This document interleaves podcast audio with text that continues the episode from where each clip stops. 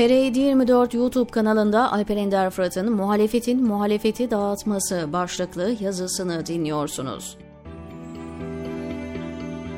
HDP'nin seçimlere kendi adayıyla katılma kararı bence seçimlerin en önemli gelişmesidir. Recep Tayyip Erdoğan dışında İyi Parti ve CHP'nin ulusalcıları da üzerine düşen görevi fazlasıyla yaparak HDP'nin muhalefet bloğu dışında kalmasını sağladı. Nitekim İyi Parti ve CHP'nin ulusalcıları HDP'nin muhalefet bloğunun dışında kalmasından bir hayli mutlu görünüyorlar. Bundan sonra Recep Tayyip Erdoğan'ın yapacağı şey HDP'nin seçimlere dişli ve etkin bir şekilde girmesini sağlamak olacaktır. Bunun için yapacağı şey siyasi bir afla Selahattin Demirtaş'ı sahaya sürmek olacaktır.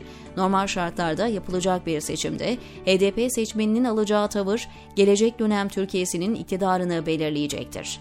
Eğer HDP 2019 seçimlerinde İstanbul'da yaptığı gibi Millet İttifakı'nı destekleseydi, Cumhur İttifakı'nın seçim kazanması hiçbir şekilde mümkün olmazdı. Ancak HDP AKP'yi desteklemese bile Millet İttifakı'ndan yana da tavır almayınca muhalefetin bundan sonraki işi hiç de kolay görünmüyor. Düşünsenize yarım puanların bile çok etkili olacağı bir seçimde en az %13'ün dışarıda kalmasını sağlıyor. Bundan da hiç rahatsızlık duymuyorsunuz. Aynı şekilde milyonlarca oy anlamına gelen KHK'lılar konusunda da AKP Erdoğan ittifakından farklı bir şey söylemeye ısrarla devam ediyor ve o kitlenin de oy desteğiyle ilgilenmiyorsunuz tüm zamanların en başarısız hükümetine rağmen güçlü bir rüzgar oluşturarak ülkedeki bütün toplumsal muhalefeti arkasına toplayamayan Millet İttifakı'nın kendi aralarında yaptığı istikşafi görüşmeler sadece toplumun uyumasını sağlıyor. Titanic batmış, herkes canhıraş bir şekilde nasıl kurtuluruzun hesabını yaparken yanınıza yanaşan bir gemiyi, mürettebatı siyahi diye taşlayıp geri döndürüyorsunuz.'' Bu tavrın akılla ve iyi niyetle izah edilebilir bir tarafı yok. Bunun adı Recep Tayyip Erdoğan'a çalışmaktan başka bir şey de değildir. HDP içerisinde derin devletin kontrolünde çok isim var ancak ayrı aday çıkartılması konusunda tek başına bu partiye suçlanamaz.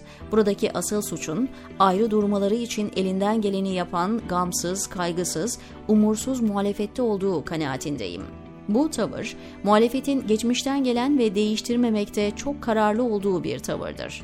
Bundan sonra da seçimlere yönelik Recep Tayyip Erdoğan'ın siyasi salvolarının devam edeceğini düşünüyorum. HDP'nin kapatılıp 400 kişiye siyaset yasağı getirileceği iddiası AKP için hiç de akıllıca bir tavır değil. Bunu yapması AKP'nin kendine ateş etmesi ve muhalefetin ekmeğine kaymak sürmesi demektir ki şeytana pabuç giydiren Erdoğan'ın böyle bir şey yapmasını beklemek saflık olur. Yani en azından bundan sonra HDP'nin zayıflamasını asla istemez. Tam tersi HDP'nin tutuklu siyasetçilerini de içine alacak şekilde genel bir siyasi af çıkarması daha muhtemeldir. Erdoğan, HDP kitlesi üzerinde etki yapacak tutuklu siyasileri salı vererek potansiyel oylarını en yüksek oranda ellerinde tutmalarını sağlayacak adımlar atacaktır. Bölgede ve seçimlerde etkili olacak, açıklanabilir bütün siyasi figürün sahaya inebilmesinin yolunu açacaktır. Bu şekilde AKP'ye gelmeyecek oyların Millet İttifakı'na da gitmesi engellenecektir. Bu adımlara artık MHP'nin de itiraz etme şansı artık yok. Sinan Ateş cinayetiyle MHP her şeyiyle Recep Tayyip Erdoğan'a teslim oldu. Ateş cinayetinin MHP'nin yönetim kadrosuna hatta partinin geneline sirayet edip etmemesi tamamıyla Recep Tayyip Erdoğan'ın elinde.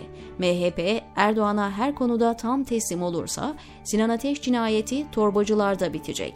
Mırın kırın etmesi halinde ise muhtemelen daha ilerilere doğru yol alacak.